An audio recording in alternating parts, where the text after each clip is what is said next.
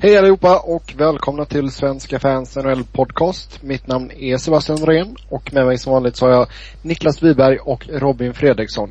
Robin, jag vet att du är sjuk så du mår antagligen inte jättebra. Hur är det med Niklas? Jo då, jag mår bra. Härligt. Jag är pigg och kry och frisk och allting.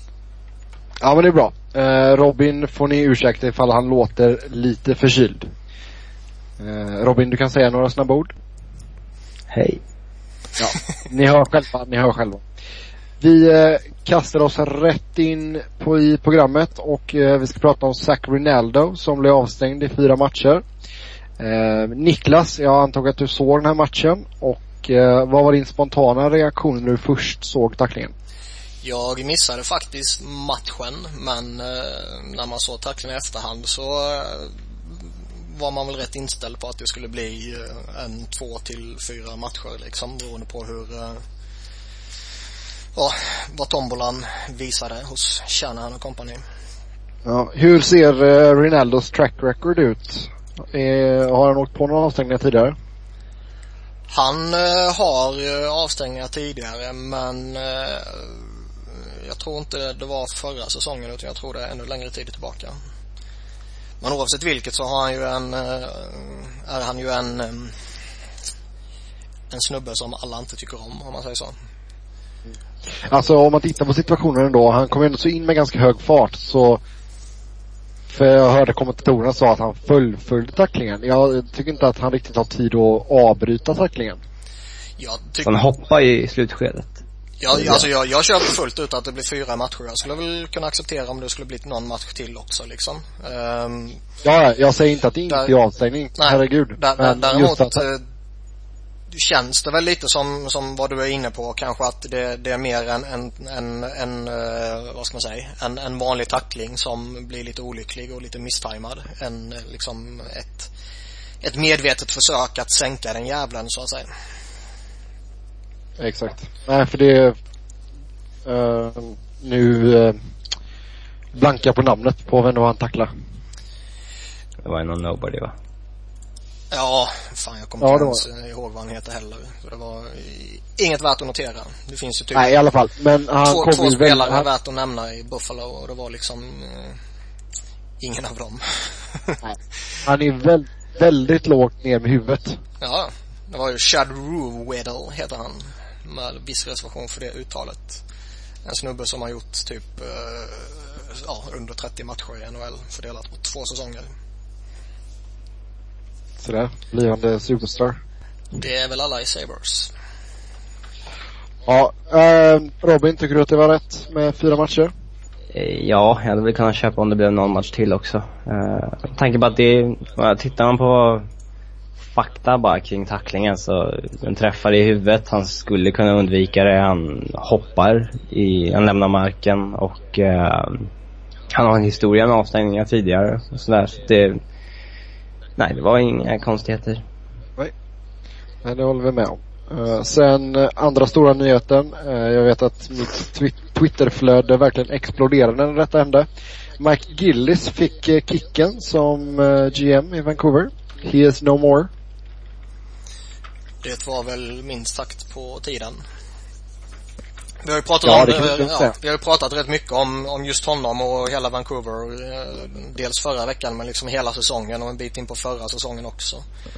Eh, och det är väl som jag har sagt, han borde fått sparken redan när den här målvaktscirkusen, redan innan den eskalerade så att säga. Ja, det känns ju att ska de göra en ordentlig rebuild här nu också så eh, kan det nog vara bra att ha någon ny eh, GM som tar hand om den. För eh, Det beror ju på vem det blir. Gillis...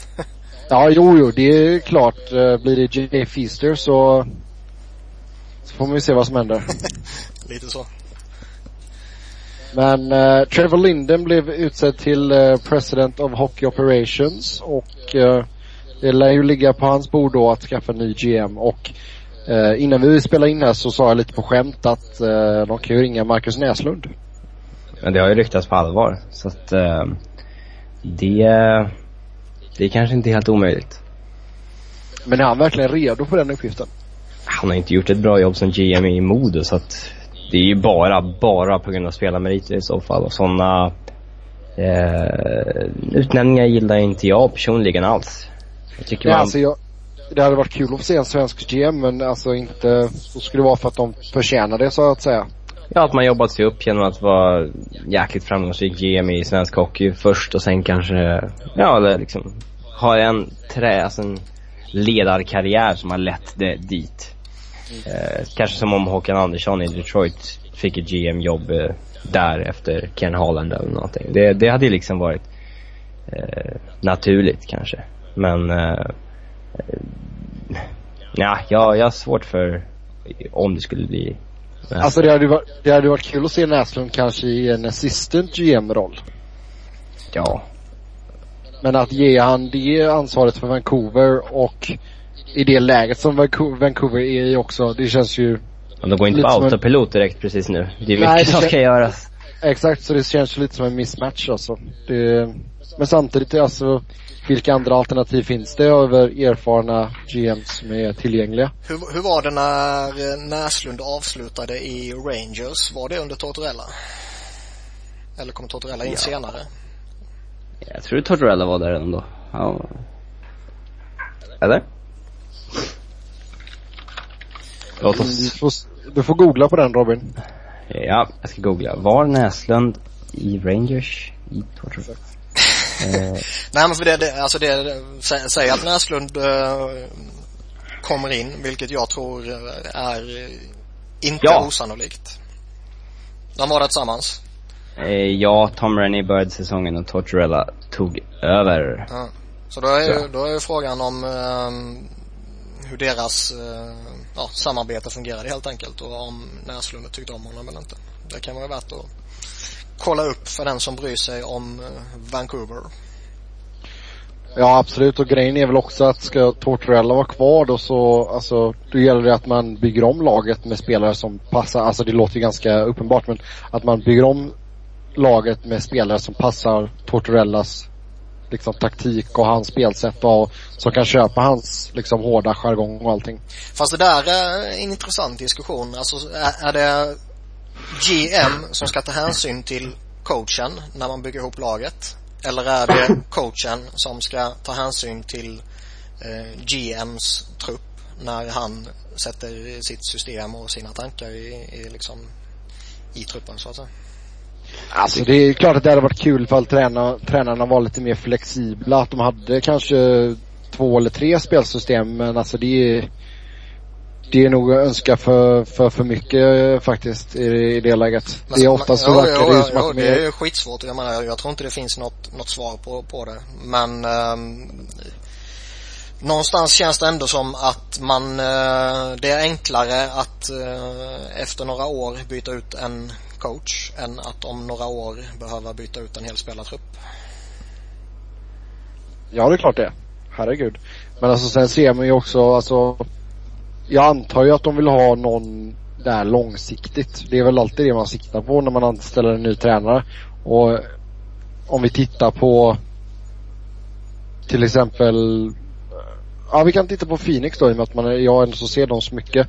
Där har du ju ändå så en GM som är jäkligt, eh, jobbar väldigt nära med liksom hela tränarteamet. Så att det kommer in spelare som ska liksom, ja, ska, de ska passa in i spelsättet. Det är väl endast egentligen Mike Ribeiro som är här nu som verkligen inte passar, eh, som inte är en traditionell Dave Tippett-spelare liksom. Nej, Det är klart man ska ta hänsyn till det men, men alltså på samma sätt som man gärna vill ha liksom en coach i mer än två år så att säga så vill man ju gärna ha en stomme som man kan bygga på och utveckla och sådär under väldigt många år. Så spontant så känns det som att liksom coachen ska anpassa sig ut efter spelarmaterialet. Men man, liksom det, det är svårt att argumentera emot det andra resonemanget. Det går ju inte. Nej, alltså det är ju väldigt alltså, jag menar jag skulle, ja, vad ska vi ta? Säg att Ken Hitchcock skulle ta över Chicago liksom. Chicago tror jag inte på problem att säga. Ja, Ken Hitchcock skulle ta över Washington. Ja. Så det är klart att det kan bli, li- det, det beror ju på vad, ja. Sen det, det beror väl lite på spelarna också liksom ifall de kan köpa ett annat spelsätt också. Jag tror generellt sett tror jag inte det är spelsättet kanske som, som är det stora problemet utan jag tror att det kanske snarare om man pratar Vancouvers fall för, för där bör man liksom vara så pass vettig i, i skallen som spelare att man bör kunna anpassa sig för att förstå att okej okay, så här måste vi spela för att för att det ska funka som lag när vi har den här coachen. Däremot tror jag kanske att ledarstilen och eh, attityden och, hela den biten kanske eh, kan vara ett eh, ett större problem i det här fallet. Ja, det är mycket möjligt. Alltså jag, jag hade ju blivit trött i huvudet av att höra hon Tortorella liksom gorma på honom hela tiden. Mm, jo, men lite så. För jag tror liksom inte att, att, att man måste spela på ett visst sätt bara för att coachen eh, spelar annorlunda jämfört med coachen som var där tidigare. Det, det tror jag är, eh, visst det kan vara problematiskt men jag tror inte det är eh, förödande om man säger så. Utan jag, I det här fallet tror jag det är ledartypen. Ja, jo, men alltså sen grejen är ju alltså Tortorella har ju inte så haft framgång och Gillis trodde väl att Tortorellas stil kanske skulle tända en eld under röva på några av spelarna i Vancouver men det så har det ju verkligen inte blivit. Nej men så pratar vi om eh, nästan allihopa ju. Alltså in, inte bara i våran podcast utan liksom verkligen alla sa ju att jo, ja, antingen, antingen, antingen blir det så här eller så blir det skitbra. ja, exakt. Uh, jo, det var ju inget mittemellan utan det var antingen succé eller fiasko liksom. Det, jo, det håller jag med om. Lite så kändes det som. Ja. Uh, något annat vi vill tillägga om Vancouver? Det är svårt att, alltså vi har pratat rätt mycket om dem redan och det är svårt att gå in på några några riktiga spekulationer om vad de ska göra innan man vet eh, vilken GM som tar över och innan man vet hur det blir med coach och lite sånt här. Ja, det är sant. Så vi lär ju återkomma och prata mer Vancouver under off-season. Um, lite, ska vi se, lite smånyheter. Trevor Lewis, uh, Los Angeles Kings, uh, signar ett nytt kontrakt. Två år, 1,5 miljoner cap hit. Kul för honom. Det blir skitskoj för honom.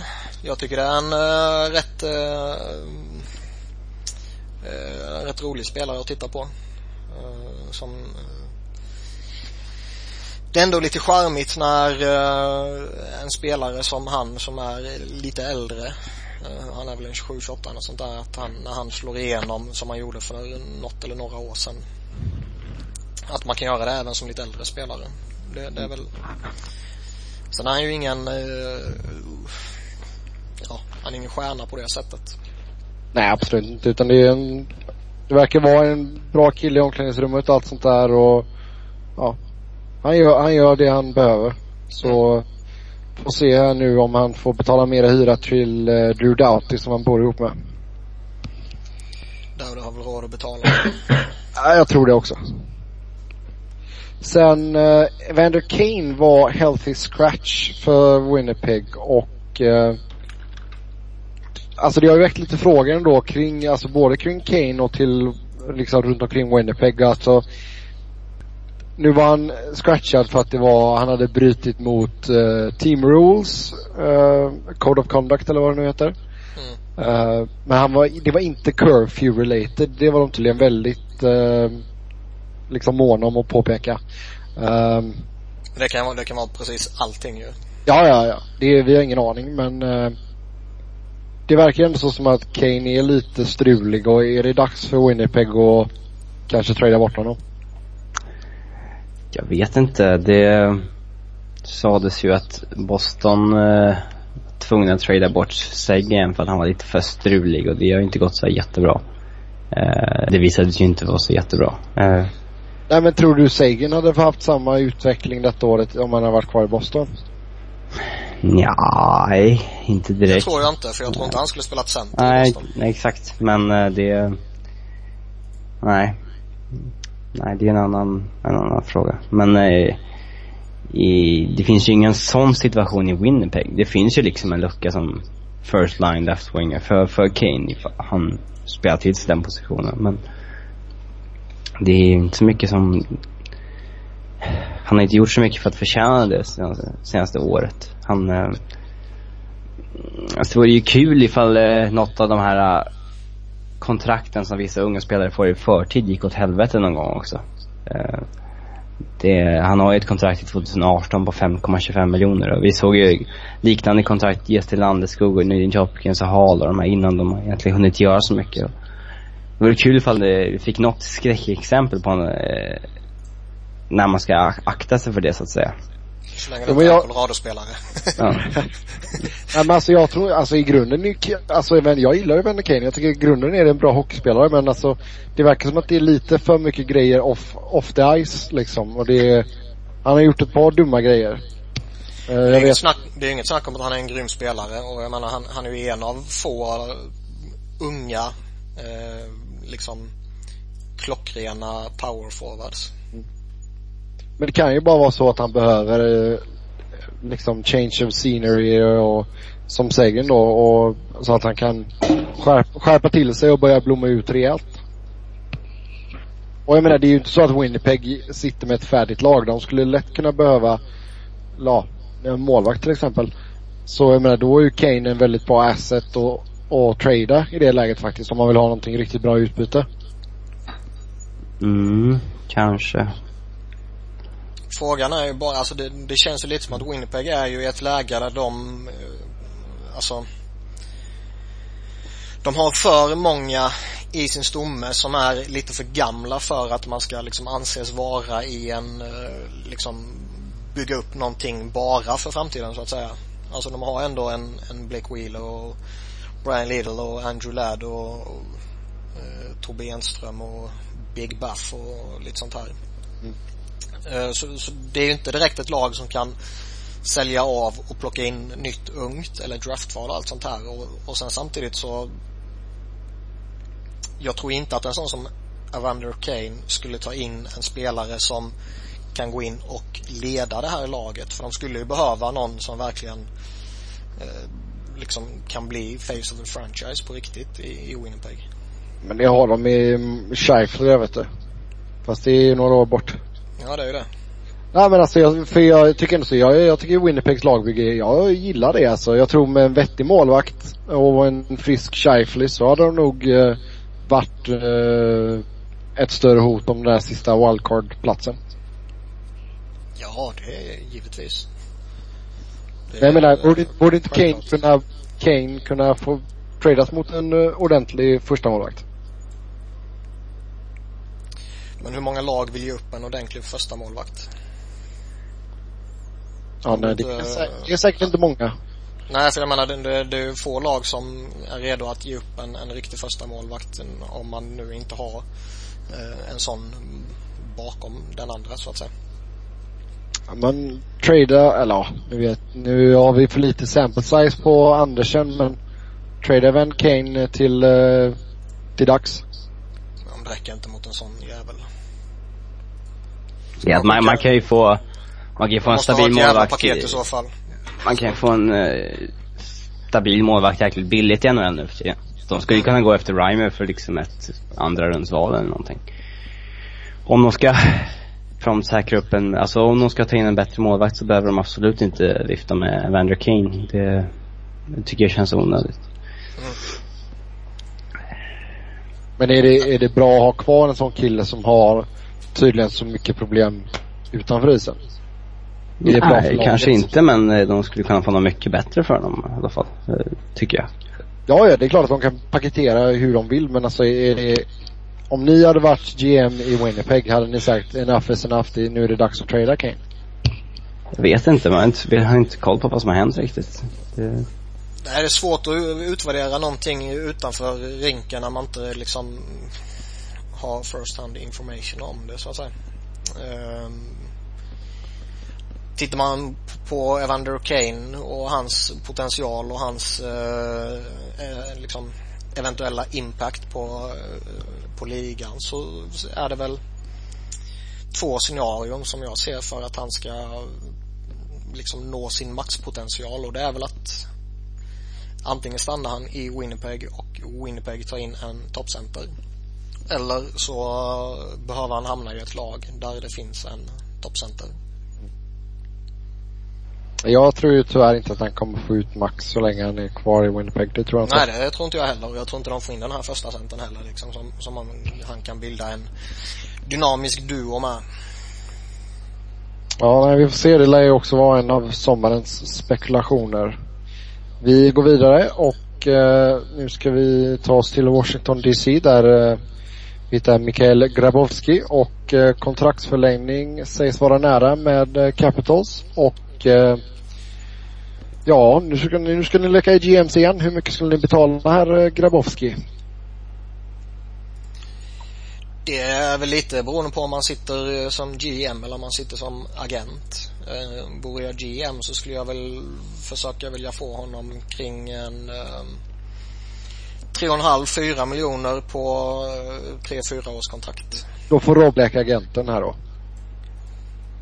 Ja, hade jag varit agent så hade jag väl eh, sett till den rådande centermarknaden på Free Agency-fronten i sommar. Utgår man ifrån att eh, Paul Stastny blir kvar i Colorado så är Grabowski förmodligen den mest attraktiva centern som finns på eh, Free Agency-marknaden.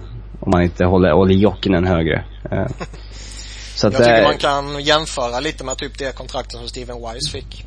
Mm, han kan, de, de kan kontrakten fem år på liksom en capita uh, strax under eller fem miljoner eller strax över fem miljoner beroende lite på på spelaren och så här. Det, jag tror eh, det kanske kan landa där någonstans. Um, personligen skulle jag väl inte vilja betala så mycket men marknaden är som marknaden är. Mm. Ja, vi får se vad han... Uh, tror ni han, han kommer vilja stanna kvar i Washington va? Det sägs att det är nära som sagt. Ja, alltså jag tycker ändå, nu har han haft jävla problem här sista månaden eller sista två månaderna innan han spelade här en handfull matcher nu med, med sin fot ju. Men jag tycker han generellt sett har skött sig helt okej okay i, i Capital så um, en 30-årig Mikael Grabowski uh, bör nog ta mm, det långtidskontraktet han blir erbjuden så att säga. Mm. Oavsett om det är i Capitals eller vad det nu är. För frågan är om man i den åldern vill harva runt på ett eller två års kontrakt igen. Fem, sex år till. Och flytta från lag till lag kanske. Ja, det beror väl på hur mycket man gillar att flytta runt. Ja, givetvis. Ja, då ska vi eh, köra lite awards här och det är anti-awardsen som är på tapeten idag. Uh, Niklas förslag här, det var lite roligt faktiskt när jag såg att du hade skrivit det. Jajamän. Mm, och uh, spelare som inför säsongen förväntades vara med i diskussionen om en award på, ja, på riktigt då. Men som sen har varit långt ifrån det. Och uh, vi börjar med Hart Trophy. Och eh, Niklas, du kan få kickstarta detta.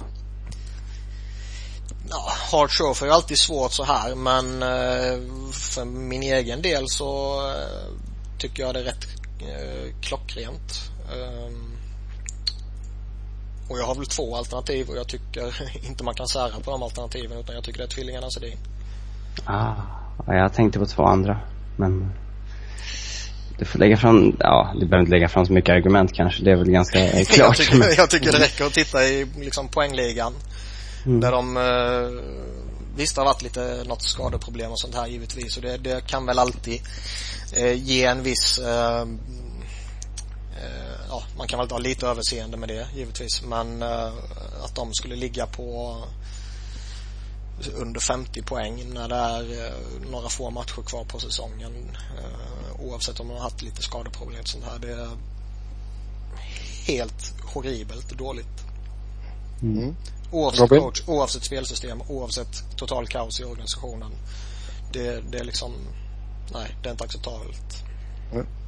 Jag tänkte på två centrar som eh, förväntades väl leda sina lag och har jäkligt bra betalt för det men som har misslyckats igen får man väl säga. Det är väl eh, dels Jason Spezza i Ottawa. Eh, som inte lyckades få någon kemi alls med Bobby Ryan och eh, hade riktigt trög komma in i poängproduktionmässigt. Nu har han ju gjort ett dödsryck här när eh, var redan körda på slutspelet. Men när det väl gällde så var han inte eh, liksom bra alls.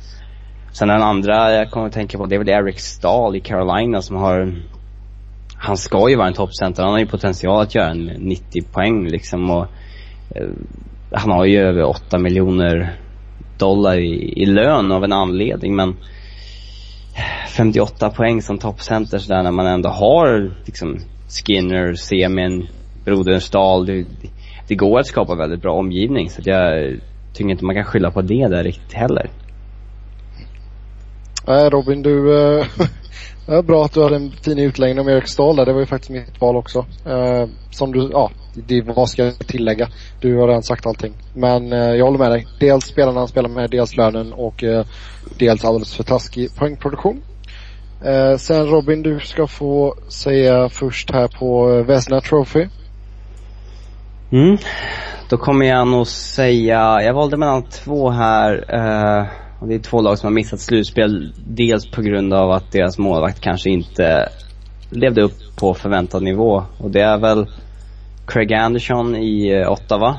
Som snittar över tre insläppta mål per match. Det är ju helt absurt dåligt med tanke på vilken säsong han hade i fjol när han bar det här laget i slutspel utan Karlsson, utan spetsa. Um, ehm, den andra jag funderade på var Braden Holtby som inte klarade av att axla rollen som första målvakt och står väl mycket skuld till det här med att uh, uh, nej men det, det är två målvakter som hade någon sagt före säsongen att det här kanske är bästa målvakter så hade man inte blivit jätteförvånad. Uh, men de två tycker jag har vikit, vikit ner sig ganska rejält. Framförallt Craig Anderson. Mm. Niklas? Här tycker jag det var rätt eh, svårt. Eh, jag tycker Craig Anderson är ett, eh, ett bra alternativ. Mm. Jag, ja nej, på, ett sätt så känns det tufft att säga en sån som Corey Crawford. Um, för jag tycker väl kanske egentligen inte att han har varit dålig på det sättet. Men samtidigt så känns det inte som att han är den målvakten som han var förra året. Eh, och då är frågan om det är rättvist att döma honom på, på förra året. Mm. Men jag är väl inte helt övertygad om att han har levt upp på det kontraktet som kickar in nästa säsong. Men Nej, det är som sagt, det, det kanske är orättvist att jämföra med, med förra året. Uh, sen tycker jag en sån som Cam Ward också Alltså där, där kommer ju nog jag och Robin för evigt vara tudelade. Där jag tycker han är en bra målvakt och Robin tycker han är en skitmålvakt. Mm. Men jag, jag Nej, jag, jag, tycker inte han har varit eh, tillräckligt bra. Sen, Nej, i år har han ju varit kass. Ja, sen har han haft lite problem med skador och sånt här men, men, men uh, Under 90 procent liksom. Det är ju unheard of i dagens hockey. Ja, exakt. Och jag tror liksom att en om man säger en normal Cam Ward skulle gjort Carolina till ett lag som i allra högsta grad skulle vara aktuellt för ett slutspel i, i dagsläget. Ja, absolut. Ja, han har haft väldiga problem med skador. Ja. Hoppas han spelar någon annanstans nästa år. Det vore kul att, eh, om han gick till Islanders eller någonting. Det hade varit... Eh... Ja, så länge han suger Islanders så är det väl bara bra. Ja, alltså, han har ju bara spelat i 29, han har ju startat 27 matcher i år. Ja, jag vet. Det är väl det som gör lite att man kanske, det är lite tufft att, att hänga ut honom på det sättet. Men som sagt, han har fan inte varit bra i de här 29 matcherna han har spelat. Nej, det, Nej, det är inte så att han, eh, han har inte varit skadad, alltså de 50, hur många matcher det är som han inte har eh, spelat. Han har inte varit skadad alla dem. Han har ju varit liksom petad av Dobin i många av dem också. Jag tycker Kordobin, han har skött sig bra. Ja, jättebra. Det var ju snackade vi om redan när han signade att det var väl en av de, de bättre free i värvningarna. Han var ju jättebra i Boston redan. Men det var väl ett frågetecken om det var på grund av eh, Bostons försvar eller om Khadobin var bra på riktigt. Men det har jag visst att han är. Att han är. Mm. Han är bra på riktigt. Nej, jag håller, jag håller med där. Både Craig Anderson och Ken Ward är bra val och det, alltså jag, jag skulle inte direkt säga att Martin Brodeur skulle vara en Vesna-kandidat inför säsongen men jag tycker inte han har varit något vidare heller faktiskt. Nej, det har varit Nej, men det ungefär som i fjol. Ja, nästa award då. Uh, Calder Trophy. Är det din tur att börja då Uh, nej, Niklas kan börja. Vågar du inte säga vad du tycker? Uh, Jag hade väl egentligen, eh, om man tittar på en sån som eh, Chris Kreider i Rangers, som ju räknas som rookie. Ja men han, ja det är ju så dumt att det är så. Men... Det, ja, det är korkat. Men likväl gör han det. Och jag Ja. tycker väl inte han riktigt har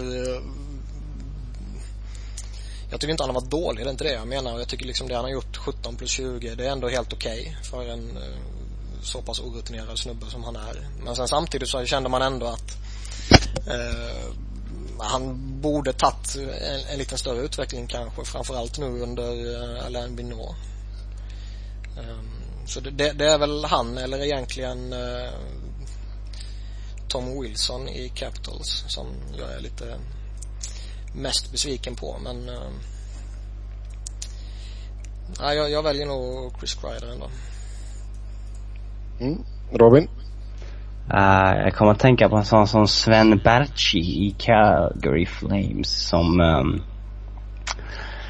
eh, många förmodligen trodde skulle vara ordinarie hela säsongen och kanske göra en 20 mål eller någonting med tanke på vad han hade visat tidigare i de gångerna han har, har fått chansen i NHL. Och han gjorde 10 poäng på 20 matcher i fjol till exempel och har länge varit en ganska lovande talang men i år eh, Nej, han har inte ens eh, fått spela mer än 26 matcher. På de har han bara mäktat med två mål. Så att han har ju varit en enorm missräkning.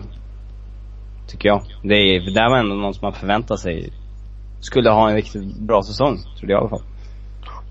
Ja, och jag ser också en kille som fortfarande räknas som eh, rookie. Det är ju Mattias Ekholm. Som är verkligen inte imponerat på mig detta året. Sen är det klart, Nashvilles problem skapar allt Men eh, Ekholm borde vara bättre än eh, 7 poäng på 59 matcher och minus 12. Det kan jag Sen har med vi, eh. Ja. Det får stå för dig.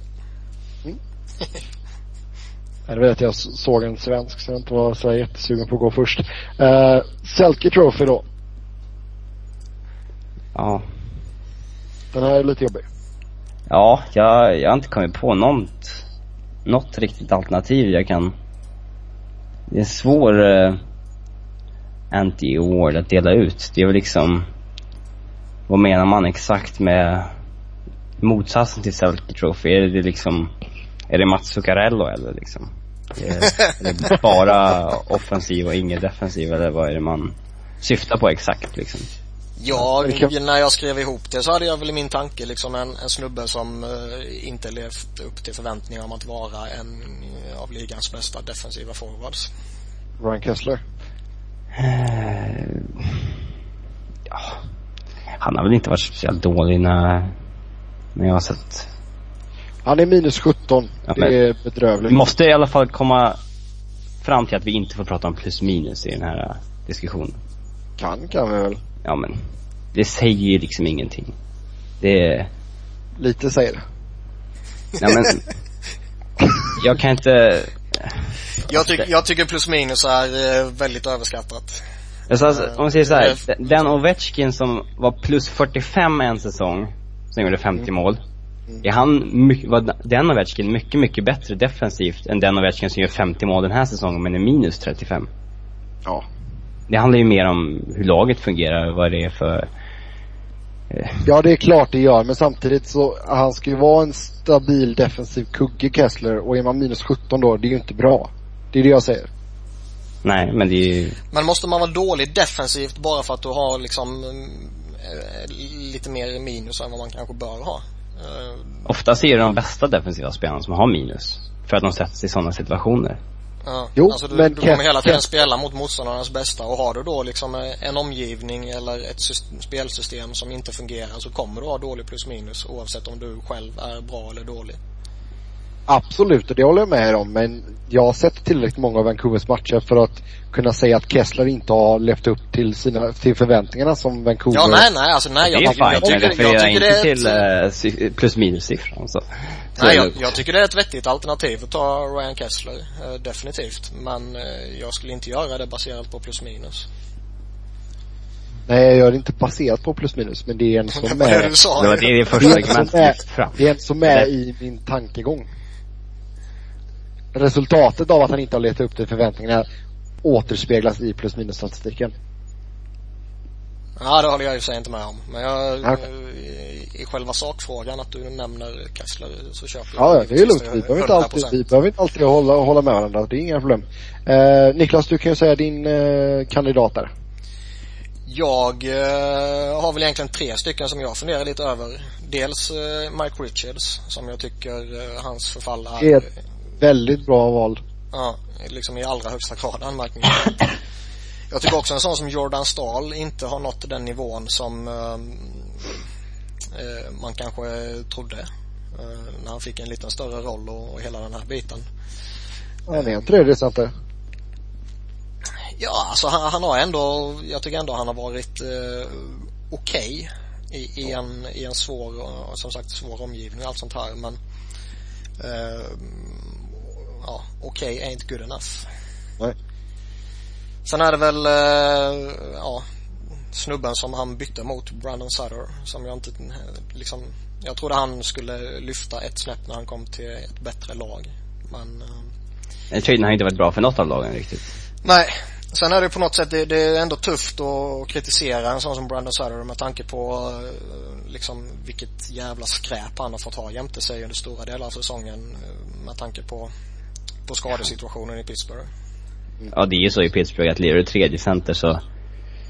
Eh, Crosby och Malkin spelar ju inte med viktiga första kedjespelare direkt förutom James Neal. Mm. Eh, så det skräpet som hamnar i tredje kedjan när alla lönecheckar liksom går till Crosby och Malkin, det är ju liksom... Det, det kan ju vara Tanner Glass liksom och sånt där. Det är inte lätt Ja, framförallt då när du tittar på att liksom det ändå varit skadeproblem på deras top 6 wingers. Alltså Pascal Dupuy är ju borta och mm. James Neal har ju varit lite in och ut också. Men jag, av, av de tre tror jag ändå att jag landar på en sån som Mike Richards som jag Ja, jag beundrar honom jättemycket men hans förfall är så pass anmärkningsvärt. Ja. Robin? Mm, ja, jag sa att jag inte hade ja, du har, kommit men, på någon. Kan, men ja, jag kan ju, med, ja, jag kan ju absolut hålla med om uh, Mike Richards, absolut. Jordan Stahl, jag vill lite mer, sägs i alla fall att han har varit skött den defensiva biten som han alltid har gjort men eh, det känns svårt att eh, peka på honom i Selke anti-awards-grejen på grund av bristande offensiv produktion. Kanske. Ja, och sen har vi eh, Jack Adams Award. Anti-awarden då. Och eh, Robin, vill du ta den först? Uh, man kan väl säga liksom så här Tortorella i Vancouver men det var ju inte så, hur många trodde på succé egentligen? Det, det... Jag nog, alltså, det vet jag inte alltså. Nej, han vill ju ja. inte ha honom sägs det. men, uh, ja, jag landade väl i alla fall på Dallas Aikins i Edmonton som många trodde skulle liksom ta det där klivet med Edmonton. Uh, vilket inte skulle varit så oväntat. De har ju ändå tillräckligt många unga bra spelare för att Alltså det hade ju lika gärna kunnat vara de som gjorde samma resa som Colorado gjorde i år. Och Colorado som var kvar i botten. Uh, men Dallas Aikens har inte direkt levt upp till hypen, kan man ju säga. Nej, Nej verkligen inte. Han var ju liksom, han är, var, är det väl tufft att säga. Han kan ju fortfarande vara det, kan jag tycka. Men en av de här stora framtidsnamnen inom eh, coachvärlden. Att det har gått så extremt dåligt som det har gjort är ju liksom, det är anmärkningsvärt. Att eh, Edmonton är en förlorarklubb nu för tiden. Det är inget snack om en liksom, att de kan liksom drafta etta igen. Det känns liksom det, det får de inte göra. Det är sjukt. Ja. Tror du de draftar en back då? Ja, det tror jag. Första gången på, var 19 år eller vad det nu är. Uh, jag säger faktiskt Paul McLean. På den här kategorin. Jag tycker inte eh, Ottawa, Ottawa som lag har inte levt upp till förväntningarna jag hade på dem inför säsongen och mycket av det faller på valrossen McLean. Det är svårt med Ottawa. Man tänker så här, Spets har varit skitdålig, Craig Anderson har varit skitdålig, Bobby Ryan har inte levt upp till förväntningarna och Erik Karlsson har 71 poäng. Ja. Fast där, där kan man ju vrida på eh, liksom resonemangen. Är det, är det spelarna som... Ja men undrar så vems fel är det liksom? Ja, det är det jag menar. Liksom, är det spelarnas fel eller är det liksom coachen som inte har fått spelarna till att vara bra? Jag, jag har själv skrivit upp Paul McLean också. Eh, Så det tycker jag är ett, ett bra val Sebbe den här gången. Men ju- just med tanke på att eh, ja, Jack Adams Award fick han ju 2013. Mm. Eh, Sen är som sagt det har varit lite problem och som du nämnde här och traden slog emot dem och nyckelspelare har inte varit så jätte eh, framträdande som man förväntade sig och lite allmänt djävulskap sådär och det sägs ju att organisationen eh, har det lite jobbigt rent ekonomiskt också. Mm. Eh, så det finns ju många omständigheter som som kanske kan göra det lite förmildrande men eh, nej, McLean eller Ekins. Och sen eh, Rocket Richard går ju självklart till eh, Villeleno. Lite så är det ju. Alltså det är helt otroligt vad dålig han är. Men men, det, om detta, det var våra NT Awards. Ni får jättegärna komma med era förslag i eh, kommentarerna. Så, Jag har ett förslag till. Ja. Norris Trophy. Ja just det, North. Tjäna. Det glömde vi där ja. Kärna. Tjäna! Ja Niklas du kan börja då i att du var så bra på att påminna oss där.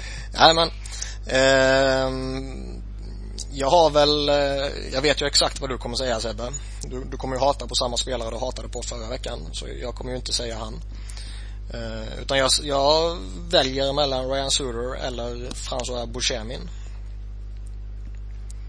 Eh, där eh, det känns som att Suter inte riktigt har eh, lyckats eh, ja, helt enkelt kliva vidare på på det fina han visade upp tidigare. Och han är ju en, en bra bit efter i backarnas poängliga. Han spelar för många minuter vet du, han är trött. Ja, Han så att han alltid vara. kan i och för sig. Det, Ja, det kan mycket väl vara att de har spelat, eh, spelat honom för mycket men eh, har man sådana problem så antingen bör man själv eh, göra liksom coachen uppmärksam på det eller så bör coachen eller GM eller någon annan av alla jävlar som sitter i och tittar på matcherna påpeka att ja, han kanske inte ska spela eh, 29 och 43 utan han kanske ska spela 24 och 43. Mm. Ja men det är ganska saftigt. för jag menar han spelar som sagt 29-43 i snitt då och sen nummer två där Erik Karlsson 27-07. Så det är, det är en ganska... Nej, det är sjuka minuter han spelar. Ja, ja, ja. Det är ju inget snack om saken. Slå ut han är ju på 82 en av, liksom. eh, en av max 10 liksom riktiga första backar i NHL också. Så han, han är inte dålig på det sättet. Men eh, Nej, och jag, jag tycker inte han har varit dålig den här säsongen heller kanske. Det är bara det att han, eh, saknar väl en 10-15 poäng för att vara med i Norris-snacket. ja lite så.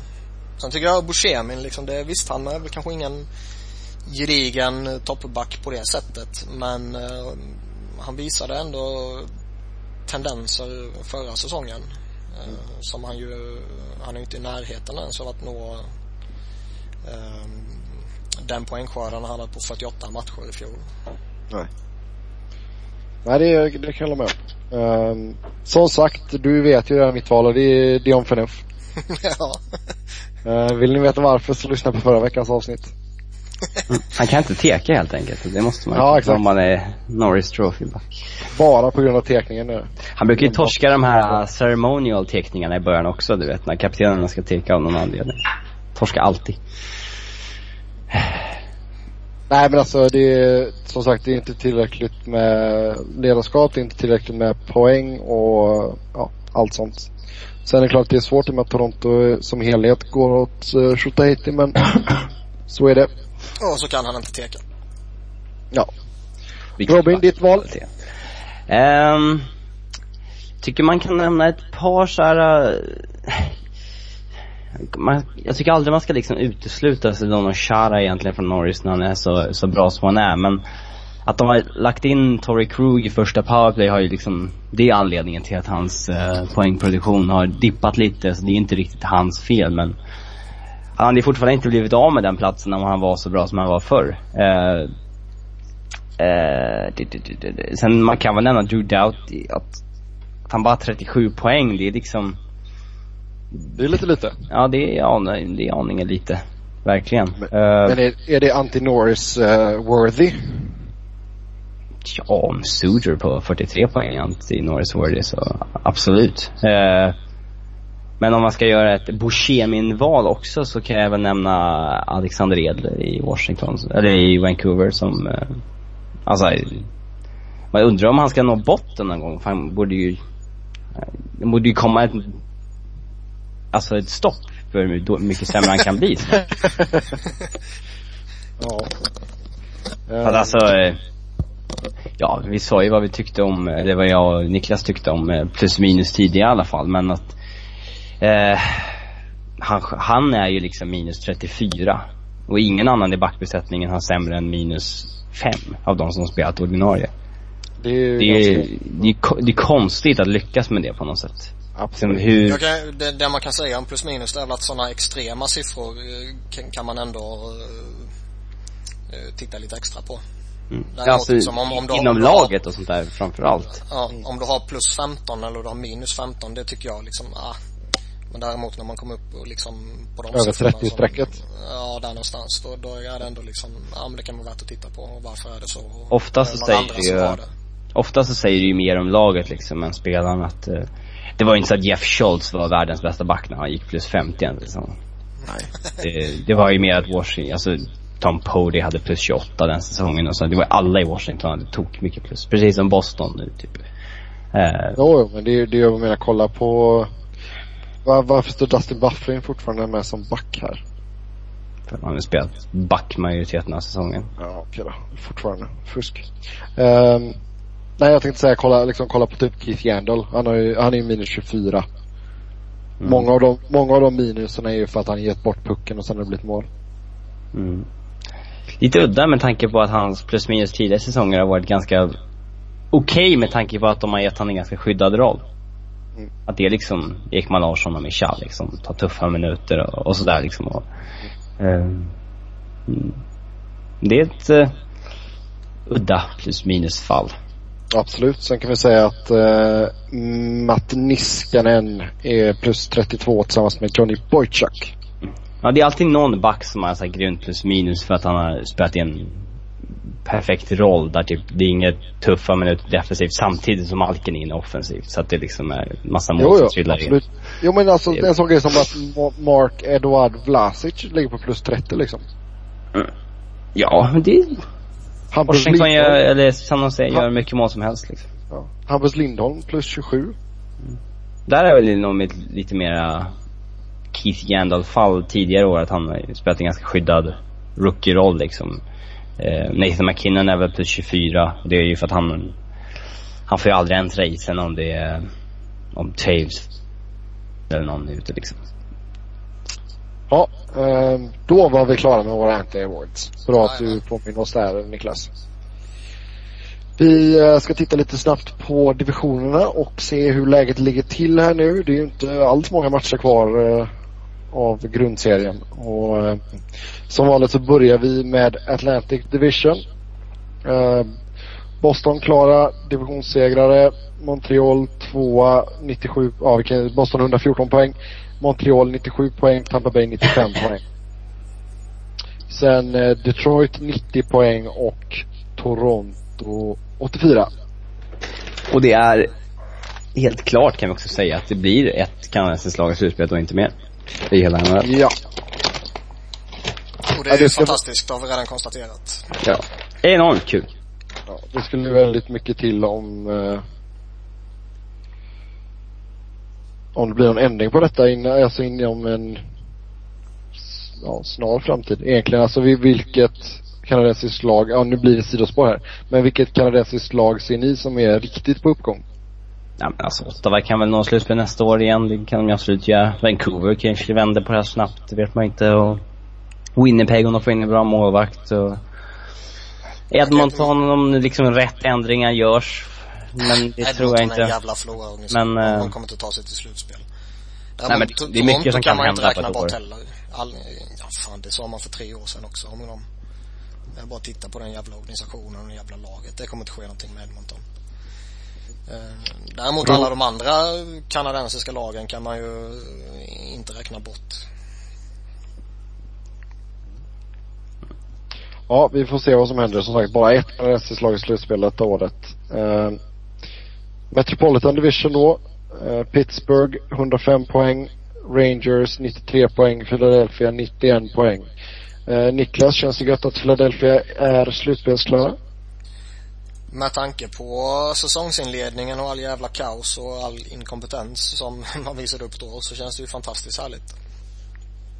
Uh, när Claude Giroux i mitten, slutet på oktober gick ut och sa att uh, vi kommer ta oss till slutspel så blev ju han tokhånad och alla skrattade och till och med Vad ska han säga då? Uh, nej men, ja, du vet ju hur det är ju. Ja. Säger man sånt i det läget som man är där nu så kommer man ju bli utskrattad, så är det ju.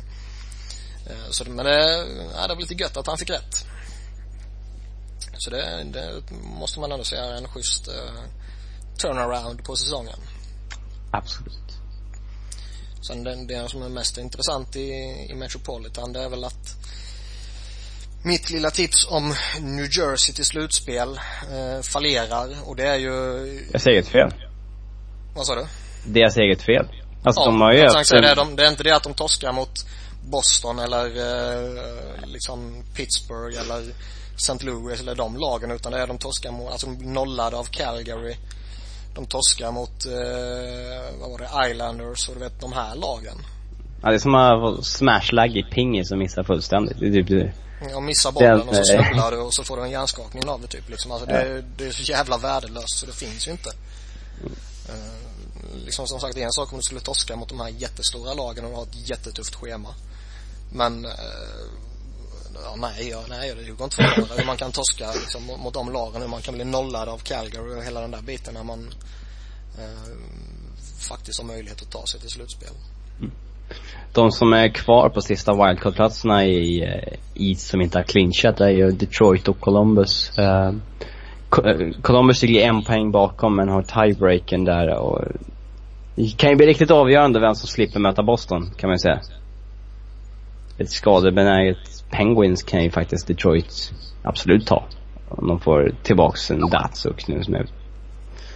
Washington har ju fortfarande chansen också skulle jag säga. Mm. Men eh, det, det känns som det blir Detroit Columbus va? Det är fyra poäng upp, tre matcher kvar. Uh, äh, ja, jag har svårt att se Washington klara det där faktiskt. Det, de möter Chicago och Tampa sista matcherna. Uh, Samtidigt som Columbus har Florida och Tampa. Eh. Nej, jag tror inte Capitals klarar det heller. Inte alls. Men eh, matematiskt har de chansen. Mm, matematiskt har de chansen. Eh, lite intressant dock för eh, alla Tampa-fans var ju Ben Bishop blev skadad. Eh, får se hur lång tid han blir borta. Så resten av säsongen? Han blir, ja, alltså av grundserien. grundserien ja. ja. Inget klart om slutspelet ännu. Men skulle han missa en första runda så kan det bli jävligt jobbigt mot Montreal. Ja, Lindbäck är kass. Mm. Uh, över till uh, Western Conference då. Uh, Central Division. Där vi har fyra slutspelsklara lag. St. Mm. Louis 111 poäng, Colorado 109 poäng, Chicago 105 poäng och Minnesota 96 poäng. Då är ju frågan vem som vinner den. Kommer Avs ta sig förbi St. Louis? Nej. vi har ju pratat om det här för typ 20 matcher sen också Niklas. Och det, då sa jag att det var, det var orealistiskt att tro att de skulle komma för Chicago. Vilket jag ändå, jag kan hålla med om. Det är fortfarande absurt. De har ju inget där att göra egentligen. Men eh, man kan ju fortfarande inte blunda för att det kan ske. Det är tre matcher kvar, de är två poäng efter. Det, det kan ju ske. Men det är klart det kan ske, speciellt när St. Louis har torskat tre på raken. Alltså det är ju det är ju lite oroväckande ifall de skulle gå in i ett slutspel och liksom förlora. Helt plötsligt får de Chicago istället för Dallas i första rundan. Ja. Nej det är klart, och jag menar nu om David Back är skadad och lite sånt där också så det, det är inte bara frid och fröjd i blues. Uh, sen samtidigt, vad fan, ta sig förbi ett lag, det är väl möjligt men fan, klarar man verkligen två? Vilka snackar du om? Avs. Avs. Att det spelar ingen roll om att, att de har tagit sig förbi Chicago redan egentligen. Det är ju... Nej men om man tittar på liksom, liksom sannolikhet och rimlighet och bla bla bla. Ja. Ja det vore ju helt absurt om de skulle, alltså St. Louis och Chicago är kanske topp tre liksom i alla fall. Hör de hemma i NHL tillsammans med Boston, kanske. Eh, Ja, det är de lagen jag skulle säga. ja, ja, det var ju helt stört verkligen. Men, eh, ja. Jag, jag tror det ska mycket till om jag ska tappa home ice advantage mot Chicago i alla fall. Det tror jag. Ja, det bara. Ja, det, det håller jag med om. Sen får ju St. Louis se upp med, nu har, nu har de bara en poäng till godo på eh, Ducks också. Mm. Eller ja, vinna konferensen är väl inte skitviktigt. Egentligen. Eller? Viktigare än att komma tvåa. Ja. Eller det beror väl på vilka möter du helst, Minnesota eller Dallas? Dallas. Men, eh, Sen är det väl alltid kul att vinna konferensen. ja. Ja, absolut. Det, det är väl trevligt på sitt sätt. Men, eh, ja. Allt känns ju ganska spikat här. Vi får ju Anaheim eh, eh, mot Eh, mot Minnesota tror jag och San Jose mot eh, Los Angeles känns ju ganska gjutet och det kommer ju bli en jäkligt kul första runda. Eh, men, eh, ja. Det ska tilläggas det att eh, jag tror inte att Avs kan riktigt gå om eh, St. Louis här i och med att Patrick Roy snackat om att de ska vila Varlamov sista matcherna och sånt där. Så jag tror inte att Reto Berra kommer gå in och eh, Ta tre nollor. Ja. Nej, det känns dumt att bränna för mycket krut på det heller ärligt talat. Eh, Tre, tre bortamatcher kvar också. Vancouver, San Jose och Ducks. Mm. Vancouver, det är ju två klara. Men, eh, ja, San Jose och Dax, det är definitivt inga lätta fighter. Eh, annars är det ju som sagt eh, Dallas just nu som har den andra wildcard-platsen med 89 poäng. I Pacific så är Anaheim, San Jose och LA klara. Eh, de ligger i den ordningen också. Anaheim 110 poäng, San Jose 107 poäng och LA med 96 poäng. Och sen är det Phoenix med 87 poäng. Ja, och det är som har sagt det är länge nu. Det kommer avgöras i sista omgången. Känns det som. Phoenix, Dallas. Ja, vi får se alltså. Vi spelar ju in på onsdag här nu eh, och eh, imorgon så spelar ju, eller ja, Dallas spelar, spelar ju den här matchen mot Columbus i, i natt. Det var den matchen när Peverly eh, rasade ihop där med hjärtproblem. Så de ju återuppta den matchen och Columbus leder med 1-0. Mm. De Eh, spelar 60 minuter så de kommer ju börja om från start så att säga med en 1-0 ledning. och sen eh, Det är spelar lite man, skoj där. Alltså Na- Nathan Horton är ju skadad nu och verkar inte kunna spela. Men eh, eftersom han gjorde målet i första matchen så kommer det ju, om han nu inte spelar, skrivas historia som den första målskytten som inte deltog i matchen. Stort. och sen, stort. Sen, sen så, eh, vad heter det? Eh, sen spelar man mot eh, St. Louis, Dallas nu då. Spelar mot St. Louis natten till lördag. Innan då man möter Phoenix på söndag.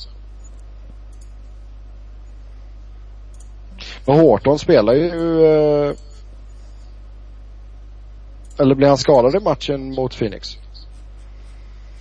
Eh, jag har ingen aning eller om det är något sånt där i efterhand. Jag bara läst att han eh, är ett frågetecken för matchen. Han, spe, han spelar fem minuter och 21 sekunder mot Phoenix.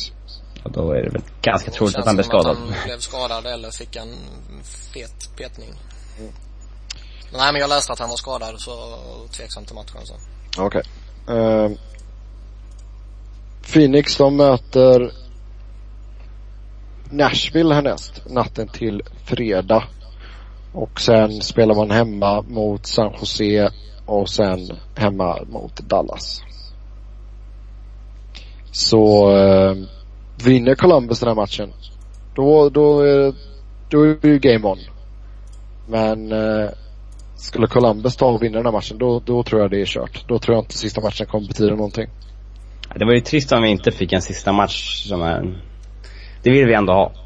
Ja, Ja. Fan, det kan Absolut. bli jävla dramatik.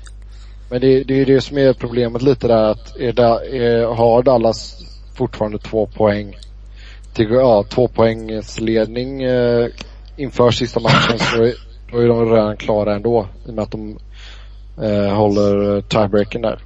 Ja. Så, eh, nej alltså det är klart det hade varit skitkul att ha en sista match som verkligen betyder någonting. Vi håller tummarna på att det blir så att Dallas vinner den. Mm. Nej, nej jag bara, unnar ni inte mig att gå och, på slutspelshockey? Nej. Nej. Nej, tack för den. Så jag hellre, hellre Ben och Sagan i slutspelet än, än dig faktiskt. Ja, för jag hade ju verkligen dykt upp där på Game Center och bara hallå. Ja, det vill vi inte veta av. Nej, hade nä- nästlat mig in på något sätt. Hade Thomas Greis eller Mike Smith stått i slutspelet? Vad sa du nu? Hade Thomas Greis eller Mike Smith stått i slutspelet?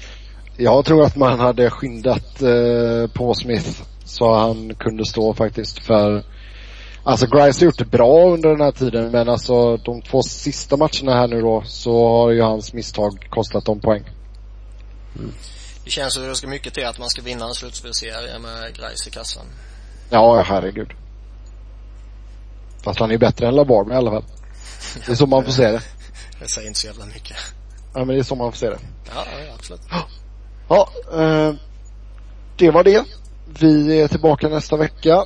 Som vanligt så vill ni köta, köta hockey med oss så går det bra att göra det via Twitter. Mig hittar ni på Noren, Niklas på Niklas Wiberg, Niklas med C och enkel V och Robin på R underscore Fredriksson. Och som sagt, kom gärna med mina, era anti-awards i eh, kommentarerna så hörs vi nästa vecka. Ha det gött, hej! Hej, hej.